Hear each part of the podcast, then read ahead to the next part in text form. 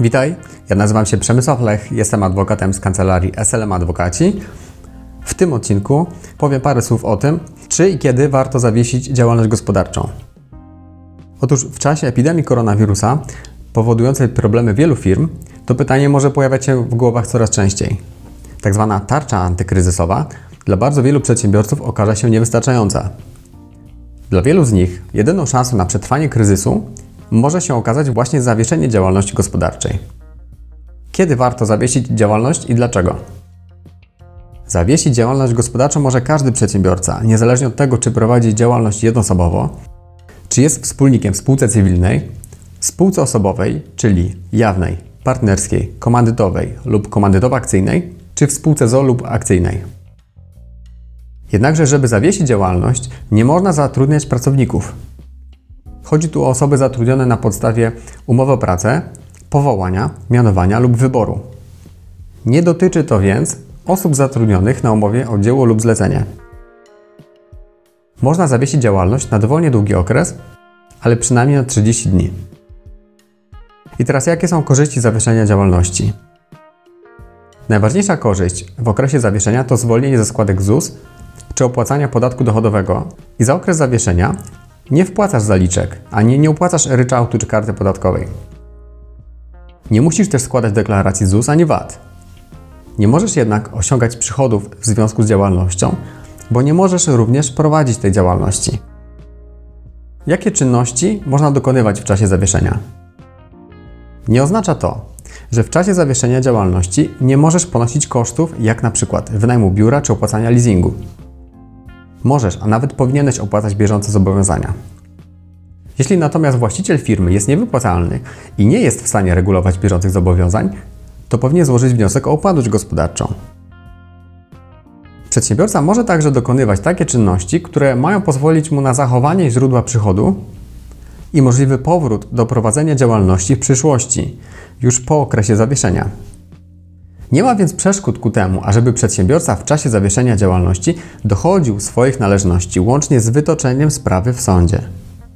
W czasie zawieszenia przedsiębiorca może też wykazywać przychody, które wynikają z okresu, kiedy jeszcze firma normalnie funkcjonowała, czyli należność powstała przed momentem zawieszenia.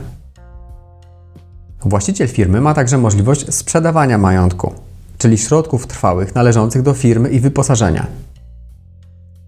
Obowiązek zapłaty podatku powstaje dopiero po wznowieniu działalności albo po zakończeniu roku podatkowego. Z kolei w czasie zawieszonej działalności przedsiębiorca nie musi odprowadzać zaliczek na podatek dochodowy, tak jak to było przed chwilą powiedziane. Musi jednak złożyć roczne zeznanie i rozliczyć się z podatku za poprzedni rok. No i z tego powodu trzeba wciąż prowadzić księgowość. Czy można podjąć inną pracę w czasie zawieszenia firmy? Osoba, która zawiesiła swoją działalność, może pracować na podstawie umowy zlecenia, ale tylko wówczas, gdy zakres świadczonych przez nią usług nie pokrywa się z tymi, które świadczyła w ramach działalności gospodarczej. Nie dotyczy to jednak umowy o pracę. I w takiej sytuacji można taką umowę podpisać właściwie bez przeszkód. Musisz jednak pomyśleć o ubezpieczeniu zdrowotnym.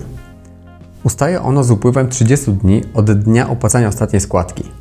Rozwiązaniem przykład jest zgłoszenie się do dobrowolnego ubezpieczenia zdrowotnego i opłacanie tylko tej składki, lub też dopisanie się do ubezpieczenia członka rodziny.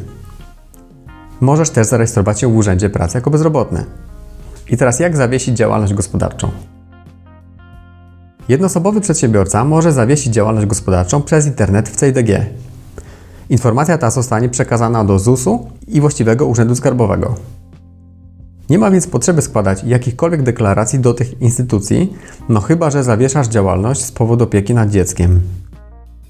I teraz ważne, w przypadku spółki cywilnej zawieszenia mogą dokonać tylko wszyscy wspólnicy.